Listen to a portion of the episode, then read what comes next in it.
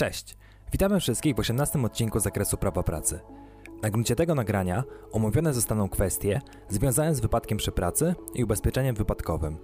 Z góry prosimy wszystkich o zostawienie subskrypcji na naszym kanale oraz komentarza albo łapki w górę pod filmem.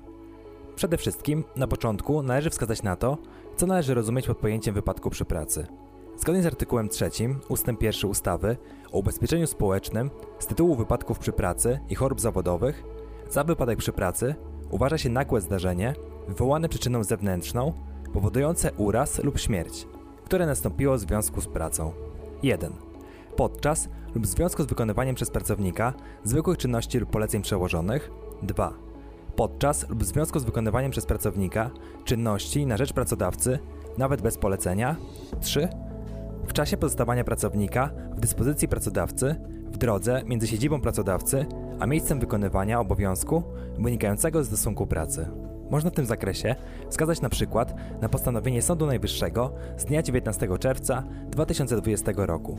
Wykonywanie zwykłych, typowych, normalnych, choćby stresujących lub wymagających dużego wysiłku fizycznego czynności przez pracownika nie może być uznane za zewnętrzną przyczynę wypadku przy pracy, gdyż sama praca nie może stanowić zewnętrznej przyczyny w rozumieniu definicji wypadku przy pracy, ale może nią być dopiero określona nadzwyczajna sytuacja związana z tą pracą, która staje się współdziałającą przyczyną zewnętrzną. Nie każdy wypadek może być zatem zakwalifikowany jako wypadek przy pracy. Elementami definiującymi wypadek przy pracy są nagłość zdarzenia, zewnętrzność przyczyny, uraz lub śmierć pracownika oraz związek z pracą. Dopiero łączne wystąpienie tych elementów przesądza o tym, że dane zdarzenie można uznać za wypadek przy pracy. Poza tym, trzeba także pamiętać, że na równi z wypadkiem przy pracy traktuje się wypadek, któremu pracownik uległ w czasie podróży służbowej. Chyba, że wypadek został spowodowany przez zachowanie pracownika niezwiązane z jego obowiązkami, a także podczas szkolenia w zakresie samoobrony albo przy wykonywaniu zadań zleconych przez działające pracodawcę organizacje związkowe. W przepisach zostały wskazane kolejne sytuacje, w których daną sytuację uważa się za wypadek przy pracy. Jest to także nagłe zdarzenie wywołane przyczyną zewnętrzną, powodujące uraz lub śmierć, które nastąpiło w okresie ubezpieczenia wypadkowego z danego tytułu podczas np. uprawiania sportu, w trakcie zawodów i treningów, przez osobę pobierającą stypendium sportowe, w trakcie pełnienia mandatu posła lub senatora, pobierającego uposażenie, odbywania służby zastępczej, czy też wykonywania pracy na podstawie umowy agencyjnej, umowy zlecenia lub innej umowy o świadczenie usług, do której zgodnie z kodeksem cywilnym stosuje się przepisy dotyczące zlecenia. Ustalenie okoliczności i przyczyn tych wypadków dokonuje się w tzw. Tak karcie wypadku. Ponadto warto także wspomnieć o wypadku w drodze do pracy lub z pracy. Za taki wypadek uważa się nagłe zdarzenie wywołane przyczyną zewnętrzną, które nastąpiło w drodze do lub z miejsca wykonywania zatrudnienia lub innej działalności stanowiącej tytuł ubezpieczenia rentowego, jeżeli droga ta była najkrótsza i nie została przerwana. Jednakże uważa się, że wypadek nastąpił w drodze do pracy lub z pracy, mimo że droga została przerwana, jeżeli przerwa ta była życiowo uzasadniona i jej czas nie przekraczał granic potrzeby, a także wówczas, gdy droga, nie będąc drogą najkrótszą, była dla ubezpieczonego ze względów komunikacyjnych najdogodniejsza.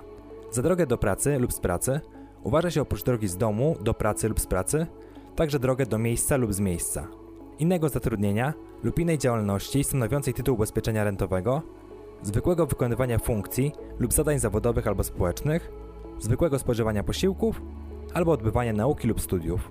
W przypadku zaistnienia wypadku przy pracy, pracodawca posiada w takiej sytuacji określone obowiązki.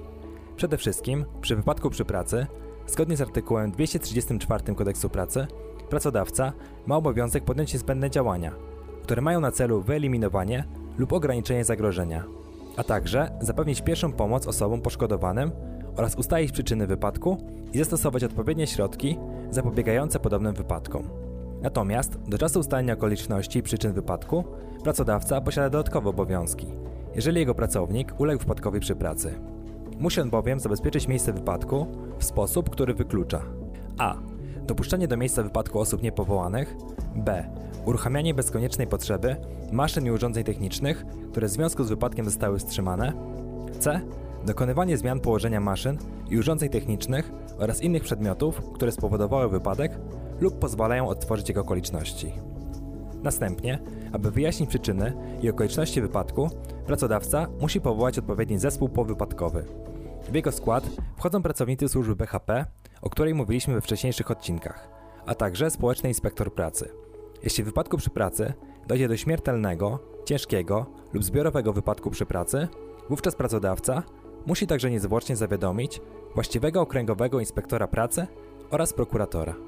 Trzeba też pamiętać, że za śmiertelny wypadek przy pracy rozumie się wypadek, przez który nastąpiła śmierć w okresie 6 miesięcy od dnia wypadku.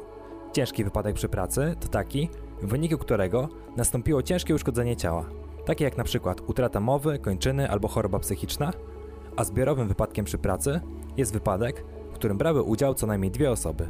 Oprócz tego na pracodawcy ciążą także obowiązki ewidencyjne i dokumentacyjne.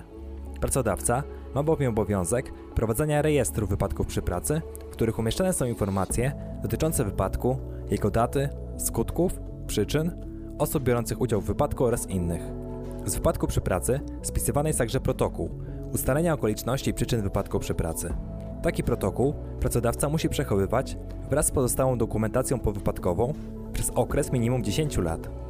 Pracodawca ponosi także wszelkie koszty związane z ustaleniem okoliczności i przyczyn wypadków przy pracy.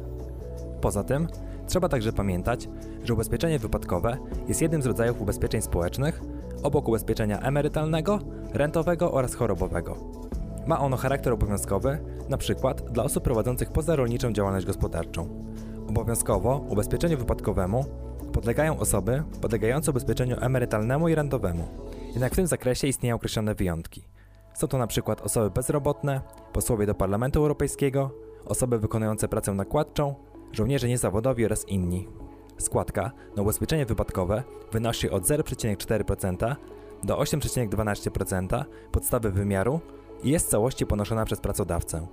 Natomiast dla płatników składek podlegających wpisowi do rejestru REGON, zgłaszających do ubezpieczenia wypadkowego nie więcej niż 9 ubezpieczonych, stopa procentowa składki wypadkowej wynosi 1,67%. Dodatkowo, z tytułu wypadku przy pracy lub choroby zawodowej przysługują odpowiednie świadczenia takie jak 1. Zasiłek chorobowy 2. Świadczenia rehabilitacyjne 3. Zasiłek wyrównawczy 4. Jednorazowe odszkodowanie 5. Renta z tytułu niezdolności do pracy, w tym renta szkoleniowa 6. Renta rodzinna 7. Dodatek pielęgnacyjny 8. Dodatek do renty rodzinnej dla sieroty zupełnej oraz 9.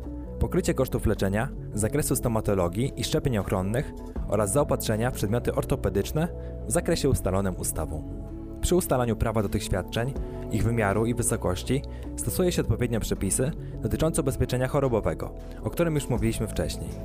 Trzeba jednak pamiętać o tym, że świadczenia te nie będą przysługiwały każdej osobie, która ulegnie np. wypadkowi przy pracy. Świadczenia te nie przysługują ubezpieczonemu. Sytuacja pierwsza. Jeśli jedyną przyczyną wypadku przy pracy było udowodnione naruszenie przez niego przepisów dotyczących życia i zdrowia i było to spowodowane umyślnie lub przez leżące niedbalstwo. I sytuacja druga. Jeśli ubezpieczony był w stanie nietrzeźwym lub pod wpływem środków uderzających i przyczynił się on w znacznym stopniu do spowodowania wypadku. Nie dotyczy to jednak świadczeń dla członka rodziny ubezpieczonego. Odwołując się natomiast do wcześniej wymienionych świadczeń, należy wskazać, że pierwszy z nich, czyli zasiłek chorobowy, związany jest z niezdolnością do pracy spowodowaną wypadkiem przy pracy lub chorobą zawodową. Kolejne z nich, czyli świadczenie rehabilitacyjne, odnosi się do osoby, która pomimo wyczerpania zasiłku chorobowego nadal jest niezdolna do pracy, ale dalsze leczenie rokuje odzyskaniem tej zdolności. Jednorazowe odszkodowanie przysługuje natomiast ubezpieczonemu, który w trakcie wypadku przy pracy doznał stałego lub długotrwałego uszczerbku na zdrowiu. Może być ono także przeznaczone dla członków rodziny zmarłego. Stały uszczerbek na zdrowiu wymaga takiego naruszenia sprawności organizmu, w wyniku którego nie ma rokowań na poprawę. Natomiast długotrwały uszczerbek na zdrowiu to taki, który powoduje upośledzenie czynności organizmu na okres powyżej 6 miesięcy, ale istnieje możliwość poprawy. Jednorazowe odszkodowanie przysługuje w wysokości 20% przeciętnego wynagrodzenia za każdy procent stałego lub długotrwałego uszczerbku na zdrowia i ustala to lekarz-orzecznik. Ulega ono także zwiększeniu o kwotę stanowiącą 3,5-krotność przeciętnego wynagrodzenia, jeżeli przy wypadku przy pracy doszło do życzenia całkowitej niezdolności do pracy. Podobnie rodzina zmarłego może otrzymać także rentę rodzinną z tego tytułu.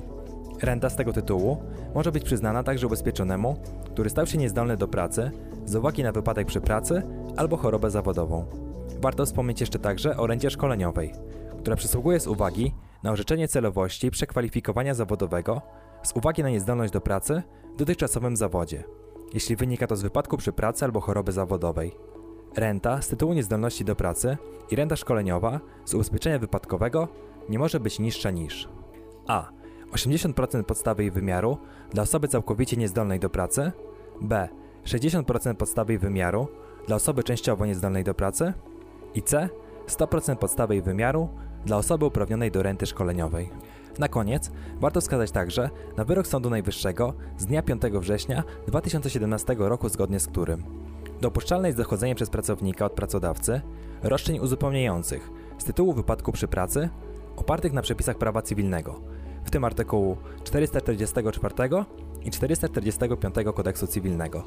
Pracownik, występując z takim powództwem, nie może jednak powołać się w postępowaniu sądowym jedynie na sam fakt wypadku przy pracy, który został stwierdzony protokołem powypadkowym, lecz jest obowiązany wykazać wszystkie przesłanki prawne cywilnej odpowiedzialności odszkodowawczej. To jest 1. Ciążącą na pracodawcy odpowiedzialność z tytułu czynu niedozwolonego 2. Poniesioną szkodę, np. uszczerbek na zdrowiu 3. Związek przyczynowy między zdarzeniem będącym wypadkiem przy pracy, a powstaniem szkody jej rozmiarem, co wpływa na wysokość należnego odszkodowania. W kolejnym z odcinków zajmiemy się problematyką związaną z tematami na czasie, czyli IKE, IKZE, PPE i PPK. W opisie do filmiku znajdziecie więcej na temat wypadku przy pracy i ubezpieczenia wypadkowego w formie artykułu ze źródłami. Zapraszamy też na naszego Facebooka Prawo dla Ciebie, Instagrama, naszą grupę na Facebooku, stronę internetową oraz podcast na platformie Spotify. Wszystkie linki zamieszczamy w opisie. Na koniec jeszcze bibliografia, na podstawie której przygotowaliśmy dzisiejszy materiał. Jeśli masz jakieś pytania, problemy albo pomysły, jakie tematy powinniśmy poruszyć w kolejnych odcinkach, pisz śmiało w komentarzu. Do usłyszenia.